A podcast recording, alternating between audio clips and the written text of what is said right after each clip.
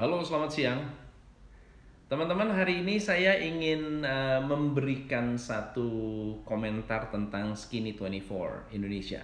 Saya baru dapat video uh, tentang bahwa ada Skinny 24 yang tahu, yang tahu Skinny 24 siapa? Ayo, saya yes. Uh, Skinny Indonesia 24, Skinny Indonesia 24. Siapa yang tahu? Komen. Yang tahu, yang tahu, ayo, yang tahu Skinny Indonesia 24. Saya mau tahu siapa. Hari ini saya mau komen tentang video mereka terakhir. Uh, baru di upload kapan ini? 24 Jun. 24 Juni. Yuk, saya mau denger dong. Anda tahu nggak Skinny Indonesia 24? Yang tahu kasih jempol. Yang tahu kasih jempol. Ah, ayo hari ini kita membahas tentang YouTube. Siapa yang mau tahu cara mengembangkan YouTube channel? Uh, saya akan bahas hari ini. Gimana cara mengembangkan YouTube channel supaya lebih mengena, supaya lebih efektif. Tapi sebelum saya membahas tentang YouTube channel, saya mau teman-teman mendengarkan uh, apa yang saya ingin uh, ceritakan tentang background dari uh, story ini, background dari mengapa saya membahas ini. Ini ini dadakan ya. Gara-gara saya ah, gara-gara saya menonton video Skinny Indonesia 24 tadi malam yang uh, menuliskan judul tahun terakhir di YouTube. Dan saya merasa bukan cuma satu orang ini, bukan cuma uh, Skinny Indonesia 24 yang mengatakan saya mau resign dari YouTube. Anji pernah menyampaikan, Ria Ricis pernah menyampaikan, uh, terus siapa lagi ya? Uh, yang menyampaikan saya ingin quit dari YouTube. Uh, alasan dari uh, uh, Anji waktu itu saya ingat banget beliau menyampaikan bahwa YouTube sekarang tidak seperti YouTube yang dulu. YouTube sekarang, oh, Deddy Kobusher juga pernah menceritakan tentang betapa berbedanya YouTube hari ini, gitu ya. Reza Arab juga pernah sharing tentang bedanya YouTube hari ini dengan YouTube zaman dulu. Waktu saya memulai YouTube channel, saya terinspirasi dengan uh, Agung Hapsah, dengan Skinny Indonesia 24, dengan um, dengan Reza Arab. Kemarin ini ada Eka Gustiwana, ya ada banyak anak-anak muda. Uh, uh, siapa? Uh, Chandra Liao, ya Chandra Liao. Yang menurut saya mereka-mereka ini orang-orang yang menginspirasi banyak anak muda untuk menjadi youtuber, istilah youtuber. Nah, tetapi di zaman itu mereka sukses, terkenal, saling beradu konten bagus. Jadi adu konten. Yang diadu adalah saya punya konten, kamu punya konten, yuk kita lihat siapa yang paling bagus. Dan makin hari makin bersaing, makin bagus, makin keren konten-kontennya. Coba Anda lihat film-filmnya atau video-videonya Agung Hapsa. Editingnya halus banget. Ya, idenya luar biasa. Skinny 24 waktu ada uh, ada 44 juta yang nonton uh, rap uh, epic rap battle. Epic rap battle antara Jokowi dan Prabowo. Wah gila keren banget. Jadi mereka ini bukan hanya anak muda yang membuat membuat uh, konten seperti saya. Saya bisa dikatakan jauh banget lah dengan apa yang mereka lakukan mereka juga filmmaker mereka uh, musician, mereka rapper. Wah, saya bilang nih keren banget, luar biasa. Belum lama interview Nadiem Makarim. Jadi waktu dulu tuh ada ada cameo project Edozel gitu. Cameo project Edozel itu adalah orang-orang yang yang membuat uh, YouTube apa di Indonesia itu luar biasa berkembang dan itu sudah 10 tahun yang lalu. Sudah 10 tahun yang lalu dan saya terinspirasi melihat mereka ini kok hebat ya Saya waktu itu nggak ngerti cara edit, nggak ngerti cara uh, mempromosikan channel saya. Pokoknya yang penting upload dulu, ya. Kontennya dari dulu sampai sekarang saya nggak jauh beda, yaitu edukasi dan motivasi. Tujuan awal saya adalah untuk mengedukasi klien uh, klien-klien saya, lalu kemudian saya share edukasinya untuk di dibaca atau didengarkan oleh tim. Nah, tapi ternyata YouTube hari ini berubah, di mana trending bukan karena konten. Trending bisa jadi karena membahas kriminal. Coba kita buka ya trending-trending uh, yang ada di YouTube. Ya, sengketa tanah yang dibahas. Jadi kenapa kita harus nonton di YouTube? Kenapa nggak nonton di berita aja? Kenapa harus di YouTube gitu ya? Kemudian ada uh, musik Blackpink, oke okay ya. Ada uh, Deddy Corbuzier, 3, 2, 1, 0, close the door ya itu itu itu jadi trademarknya. Yang dibahas adalah apa yang sedang tren dibahas seperti saya membahas uh, dari sisi bisnis. Misalnya contohnya ayam geprek bensu, saya membahas dari sisi bisnisnya. Uh, kenapa? Sekaligus saya ingin mengedukasi. Nah, tapi tidak tidak tidak setrending giveaway. Tidak setrending giveaway, tidak setrending prank. Tidak setrending konten-konten yang tidak uh, katanya tidak mendidik. Jadi uh, Skinny 24 menyampaikan bahwa sekarang ini sudah bukan lagi broadcast yourself, tetapi televisi masuk YouTube sekarang. Televisi masuk YouTube, SCTV masuk YouTube, Kompas TV masuk YouTube, eh, RCTI masuk YouTube, eh, Trans TV masuk YouTube, uh, uh, uh, Sule, Andre, Net TV masuk YouTube, channel Sule sendiri ada, channel Andre sendiri ada, jadi semua itu ada channelnya masing-masing dan backupnya adalah production house. Jadi bukan broadcast yourself. Enggak saya, enggak seperti saya, modalnya cuma HP, lalu kemudian saya broadcast, lalu upload di YouTube, atau ada Agung Hapsa ngajarin gimana caranya kita editing hanya dengan handphone, lalu you can broadcast yourself. Enggak seperti itu. Sekarang fully backup dengan uh, production house. Nah, lalu kemudian yang nomor satu adalah yang setiap hari memberikan giveaway. Jadi subscriber itu subscribe kenapa? Karena giveaway. Jadi buat teman-teman yang ingin membuat YouTube channelnya sukses, Anda perlu punya budget giveaway. Oke? Bikinlah budget giveaway yang besar, misalnya sehari 10 juta, 10 juta, 10 juta atau kasih motor. Kasih motor, ya kasih mungkin uang tunai giveaway. Pokoknya banyakin giveaway. Giveaway akan membuat orang senang untuk uh, ber uh, mensubscribe channel anda karena besok akan ada giveaway lagi. Nanti malam ada giveaway lagi. Nungguin giveaway. Nah pertanyaan saya apakah ini mendidik? Itu pertanyaannya. Itu pertanyaan skinny 24 skinny Indonesia 24 apakah ini mendidik Apakah ini sesuatu yang bisa diadopsi? Apakah youtuber-youtuber kreatif yang bagus bisa menonjol kalau di kup? Nah, kalau di kup oleh orang-orang yang memang sudah punya backup pendana besar untuk membuat channelnya besar gitu. Kalau Anda punya pendana besar untuk membuat channel besar, akan ada beda ya, beda gini saya nggak punya budget iklan. Uh, Skinny 24 Skinny, Skinny Indonesia 24 waktu itu pasti mereka tidak beriklan. Orang YouTube untuk income kok untuk mendapatkan pendapatan. Sekarang AdSense itu nggak bisa diandalkan. Betul ya? YouTube itu punya banyak aturan main tentang AdSense. Jadi viewer banyak itu yang diandalkan. Tetapi viewers larinya ke mana sekarang? Larinya ke keluarga artis ya.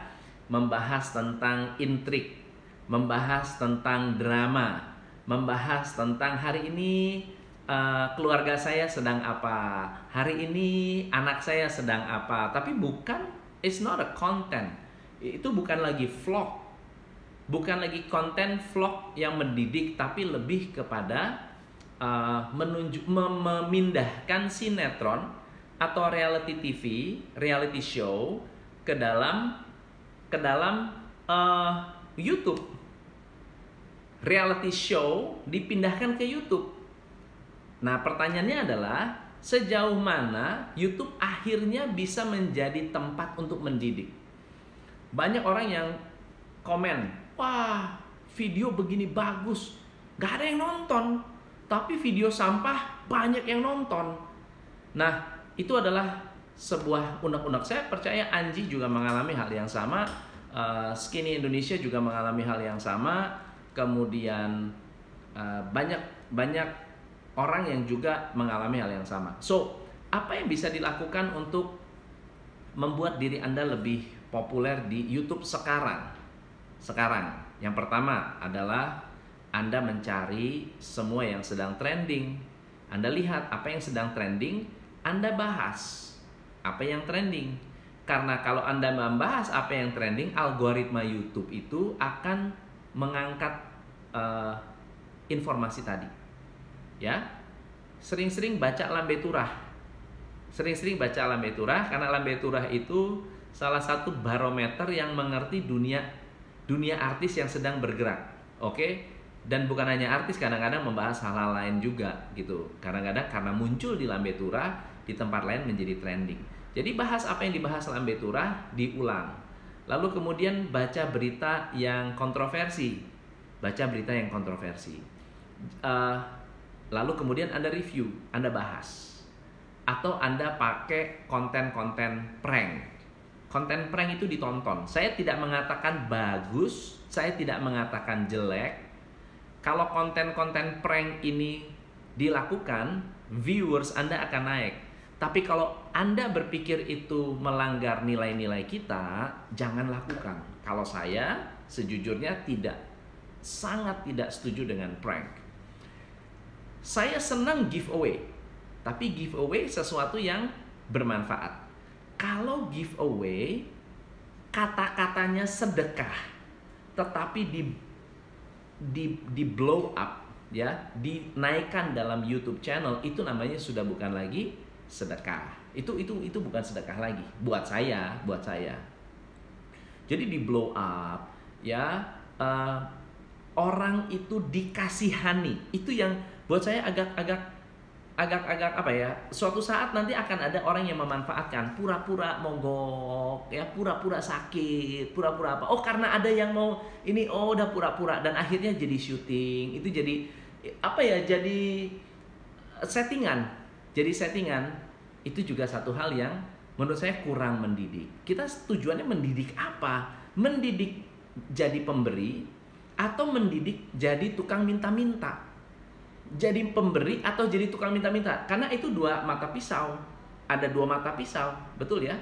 Ada dua mata pisau ada yang memberi ada yang meminta. Kita bisa belajar menjadi pemberi kita juga dididik untuk jadi tukang minta-minta menunjukkan semua kelemahan-kelemahan kita bukan menunjukkan kekuatan kita bukan menunjukkan kekuatan kita nah jadi uh, Skinny Indonesia 24 mengatakan wah kita sudah tidak lagi akan uh, meng, meng, mungkin kalau upload ke YouTube uh, kontennya akan disesuaikan dengan kontennya mereka yang sesuai dengan project-project mereka.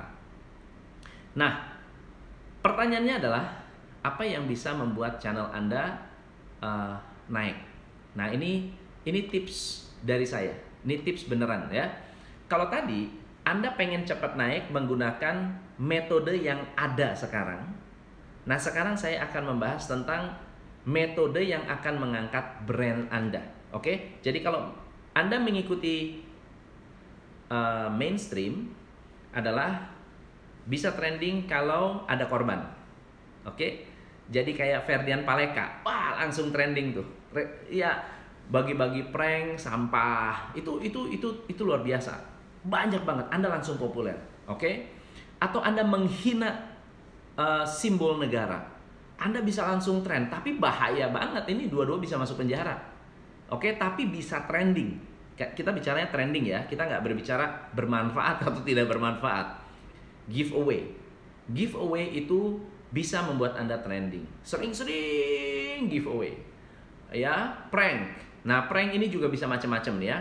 Ada prank yang positif, ada prank yang negatif.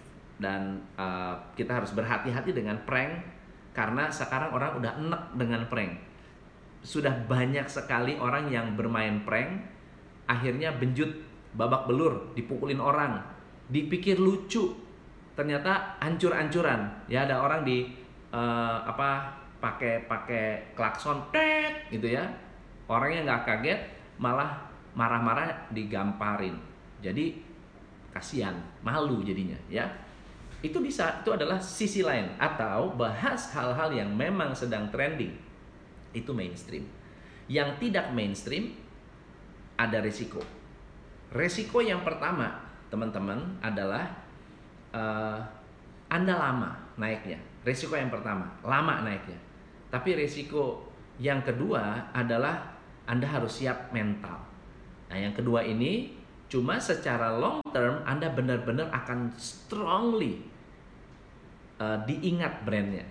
Contohnya Next Carlos. Next Carlos itu dari awal sampai sekarang itu sangat luar biasa konsisten dengan makanan dan personalitinya bagus sekali ya Farida Nurhan itu itu makanan ya Tan Boy Kun terus uh, Kenen Grad itu uh, uh, makanan. Dia ngomongin makanan makanan makanan konsisten dengan satu niche. Jadi kalau anda ingin berkembang anda nggak usah khawatir karena ada jutaan orang yang menonton di YouTube. Tetapi jutaan orang ini punya minat yang namanya micro niche. Micro niche. Micro niche artinya Anda punya keahlian yang Anda ulang-ulang di sana, yang jago, yang Anda kuasai, Anda buat videonya. Kalau ada yang nonton syukur, nggak ada yang nonton ya nggak apa-apa. Jalanin dulu, bikin dulu. Tidak perlu bikin konten setiap hari seperti saya. Anda boleh bikin konten yang penting konsisten. Ya, setiap Senin kah, setiap Rabu kah, setiap Kemis kah, yang penting konsisten Christina Lee. Coba coba coba coba coba coba. Eh, YouTube-nya ngangkat atau uh, audiensnya ngangkat ketika mendengarkan kisah inspirasi. Berarti dia naik tuh. Dan itu kenapa? Karena memilih micro niche. Uh, SB30 sampai hari ini konsisten, jago banget. SB30 ada yang uh, SB30 motivasi dan ada SB30 health. Dua-duanya sukses. Dua-duanya sukses. Ya, bayangkan health itu fokusnya ke mana? Hanya kesehatan. Bayangkan. Dan editingnya tidak luar biasa. Nggak harus seperti uh, Agung Hapsah, nggak harus seperti Chandra Liao, nggak. Cuma seorang dokter yang menyampaikan tentang pertanyaan. Teman-teman, makanan apa yang menyebabkan jerawat? Teman-teman, apakah benar durian bisa menggemukkan badan? Teman-teman, apakah itu semua dibahas? dan buat saya itu satu hal yang uh, konsisten dilakukan bisa meningkat ya tapi ingat ya kuncinya konsisten setelah anda memilih micro niche micro niche anda memilih uh, skill set skill yang anda sudah kuasai ya anda sudah targetkan bidik orang siapa yang mau anda bidik anda punya skill yang anda inginkan misalnya anda suka dandan ya anda dandan sambil di videoin anda suka masak, Anda masak sambil di videoin. Anda suka bisnis, Anda bisnis sambil di videoin. Kalau saya senangnya cerita. Saya senangnya sharing. Saya sharing sambil di videoin. That's it. Ada yang suka bagus, nggak suka nggak apa-apa. Toh saya juga di awal tahun saya baru dapat silver play button. Di pertengahan tahun ini subscriber saya udah 400 ribu. Eh, nggak pertengahan ya pertengahan tahun ini udah udah uh, 400 ribu jadi pertumbuhannya sangat-sangat eksponensial. Kenapa konsistensi itu? Nah, yang ketiga, teman-teman harus menonjolkan diri sendiri. Kalau Anda bukan motivator yang biasa uh, apa ya namanya? Bukan motivator yang terbiasa berbicara depan depan kamera di mana Anda bisa mengerti filosofi kamera, psikologi kamera, suara Anda itu enak, nyaman didengar. Lalu kemudian Anda seperti ini, memberi motivasi seperti ini, bukan tipe Anda, jangan lakukan itu. Ya, saya uh, Anda lihat Bosman. Bosman selalu bilang, uh, Anda siapa yang kenal Bosman? Say yes. Ya, jadi jadi Bosman itu uh, merasa dirinya bukan orang yang senang tampil seperti saya, misalnya ya. Jadi beliau menampilkan suara karena suaranya bagus, bulat, kemudian berat, uh, dan narasinya bagus. Jadi beliau membuat video yang singkat tetapi tajam. Dan itu saya anggap ah brilliant. Saya ikut konsep itu untuk mengedukasi konten yang spesifik. Dan ketika dikasih konten yang spesifik ternyata orang mudah nangkep. Dan itu adalah satu uh, uh, inspirasi namanya. Itu adalah sebuah inspirasi. Jadi nggak usah nampilin wajah kita ya nggak apa-apa suara kita aja anda suka gaming, nggak bisa nonton, nggak bisa kasih tunjuk wajah Anda, ya udah suara Anda aja. Uh gila nih enak nih seru banget luar biasa, bla bla bla bla bla. Anda boleh silahkan. Itu adalah hal yang bisa Anda lakukan. Tidak ada yang menghentikan Anda untuk berkreasi. Oke? Tetapi jangan ikut-ikutan. Saran saya jangan ikut-ikutan. Misalnya, Anda nggak bisa menjadi uh, next Carlos, nggak bisa. Anda bisa jadi diri Anda sendiri. Anda nggak perlu ngikutin Agung Hapsah. Nggak bisa. Anda bisa jadi diri Anda sendiri. Ada banyak orang yang ngikutin Agung Hapsah gayanya editingnya segala macam. Nggak bakal bisa sepopuler Agung Hapsah. Beda. Anda pengen jadi Chandra Leo boleh terinspirasi tapi jangan menduplikasi. Nggak perlu. Karena you can do it. Gitu ya. Uh, satu pilih niche. Yang kedua Anda pilih hobi Anda yang bisa Anda videokan sehari-hari. Yang ketiga anda jadi diri Anda sendiri. Dan yang keempat, pahami algoritma YouTube. YouTube itu uh, akan mempromot video Anda jika uh, setiap kali ditampilkan ada yang nonton gitu ya. Jadi gini, misalnya contohnya, begitu launching, begitu Anda buka publish, tet dalam satu jam pertama YouTube akan lihat saya tampilin ke seribu orang. Berapa yang nonton? Oh, ternyata 100% nonton. Oh, tampilin lagi ke seribu orang lagi. Ternyata seribu orang nonton lagi. Tampilin lagi ke seribu orang. Eh, nonton lagi. Akhirnya jadi trending. Kenapa? Karena semua topiknya tentang YouTube, bos. Erwin, kita bahas tentang YouTube channel. Uh, uh, akhirnya ketika ketika anda muncul videonya, videonya ini kemudian ditonton, ditonton dan mungkin lebih dari sekian puluh persen saya nggak tahu algoritma YouTube-nya seperti apa nonton. Begitu ditampilin langsung nonton. Nah akhirnya anda jadi trending ya. Atau ada topik tertentu misalnya kalau saya jujur aja uh, banyak yang berkaitan dengan bisnis yang saya review Misalnya Bukalapak, ada berita Bukalapak mau tutup. Saya bahas versi saya. Uh, geprek uh, Ruben Onsu. Uh, sengketa nama, saya bahas versi saya. Nah, versi saya itu apa sih? Pelajaran apa yang bisa kita ambil? Saya tampilkan di video. Nah, setiap naik video, Anda akan menemukan pro dan kontra. Itu sudah biasa. Dan orang yang hater, orang yang suka dengan Anda, dua-duanya adalah kawan kita. Tidak ada yang musuh. Dua-duanya teman, dua-duanya kawan. Kenapa? Hater nonton, lovers juga nonton. Yang hater Anda harus support, yang nonton juga harus Anda support. Jadi kita bertumbuh bersama-sama, ya.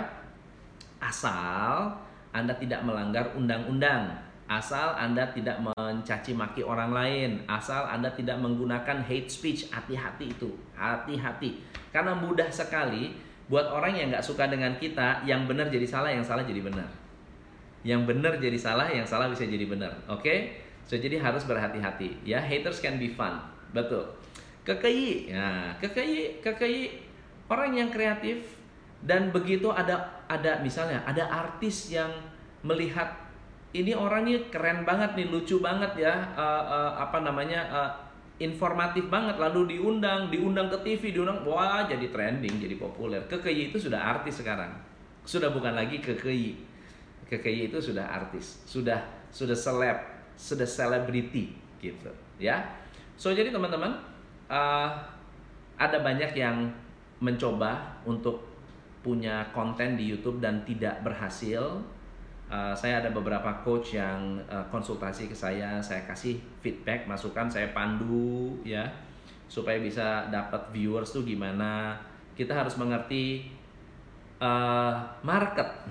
Kita mau bidik market yang mana, ya.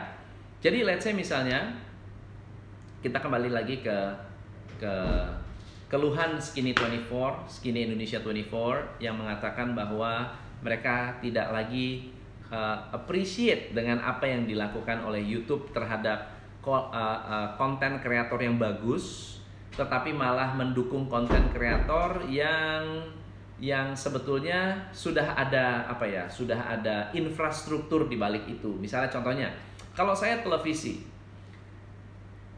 televisi itu bisa upload konten berapa lama dalam satu hari? Kalau saya paling satu hari topnya satu.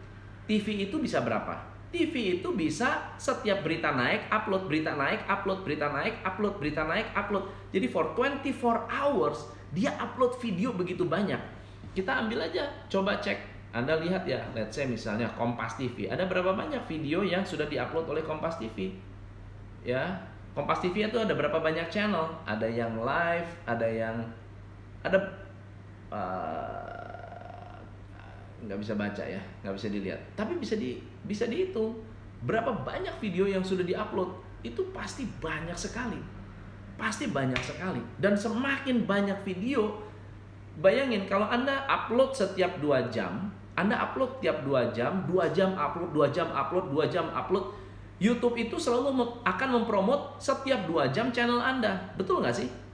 Berarti jumlah upload banyak itu memper, memper uh, besar kemungkinan Anda ditonton. Nah sekarang kalau Anda nggak punya tim, kalau Kompas TV punya tim, Net TV punya tim, ada apa, berapa banyak orang yang pegang kamera, ada berapa banyak artis yang masuk, jadi artis segala macam semua pindah ke YouTube, hijrah ke YouTube semua. Oke? Okay? Dan itu adalah saingan kita. Itu saingan kita. Tetapi teman-teman mesti diingat, kalau segmen Anda tepat, Anda akan menemukan orang-orang yang tepat. Anda nggak usah khawatir saingan dengan artis. Karena kalaupun yang artis itu nonton, ya penonton artis nonton bisnis Anda, bisa jadi mereka tidak menjadi penonton yang baik mereka lebih cenderung menjadi haters begitu. Ada banyak orang yang nonton video saya yang actually tidak nggak nggak nggak nggak menyenangkan untuk menjadi uh, penonton kita menjadi haters meskipun saya appreciate tetapi nggak kasihan kan nggak menikmati. Kita cari penonton yang menikmati sama-sama suka begitu. Ada satu channel yang bahasnya saya mau kasih tunjuk anda bahasnya tentang uh, power tool. Jadi dia jualan uh, power tool, jualan obeng ya, yang dibahas tentang pertukangan. Yang dibahas tentang pertukangan, banyak kayak nonton, banyak. Bisa populer nggak? Bisa. Bisa jualan nggak? Bisa. Gitu. Bisa, sangat bisa. Jadi tidak ada. Yang paling penting adalah, yang paling penting apa? Yang paling apa? Spesifik. Jumlah penonton sedikit nggak apa-apa. Yang penting menikmati. Jumlah penonton nggak banyak, nggak apa-apa. Yang penting memberi manfaat. Jadi niat kita dalam membangun channel di YouTube jangan untuk terkenal saran saya, tetapi untuk terkenal di kalangan sendiri.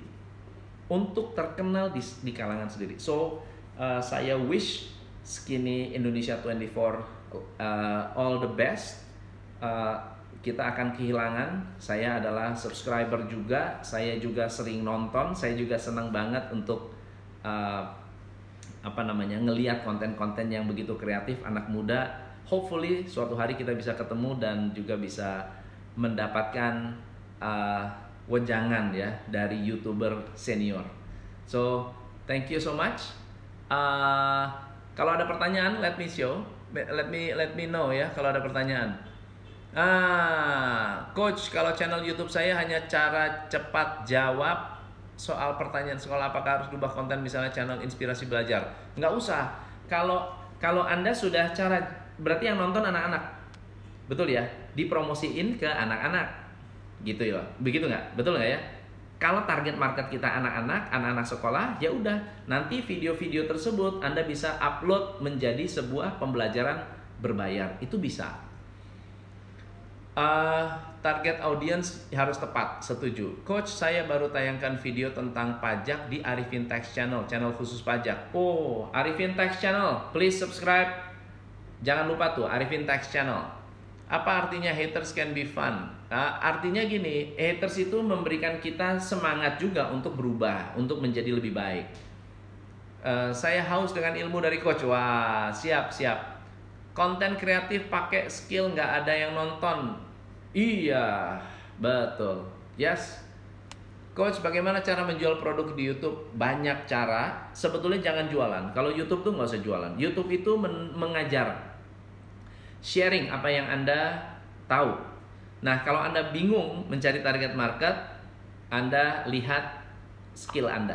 Kan tadi target market ya anda lihat skill anda. Skill anda ini dibutuhkan oleh orang nggak? Yang terkenal adalah kalau skillnya dibutuhkan oleh banyak orang, ya uh, namanya life hack, life hack atau business hack itu akan membantu anda. So again, thank you so much. Eh, by the way, nanti malam jam 8 saya akan live di YouTube bareng Rex Marindo membahas tentang digital F&B transformation ya digital F&B, digital transformation untuk F&B di new normal. Uh, channel saya di Tom MC Ifle, please uh, ngumpul di YouTube jam 8 malam. Pokoknya seru banget. Kita akan undang Mas Rex untuk sharing banyak tentang digital transformation untuk dunia F&B. Saya sudah sudah umumkan ke teman-teman hari ini asik banget live-nya. Oke? Okay? Sampai ketemu next time. Saya Tom MC Ifle. Salam pencerahan.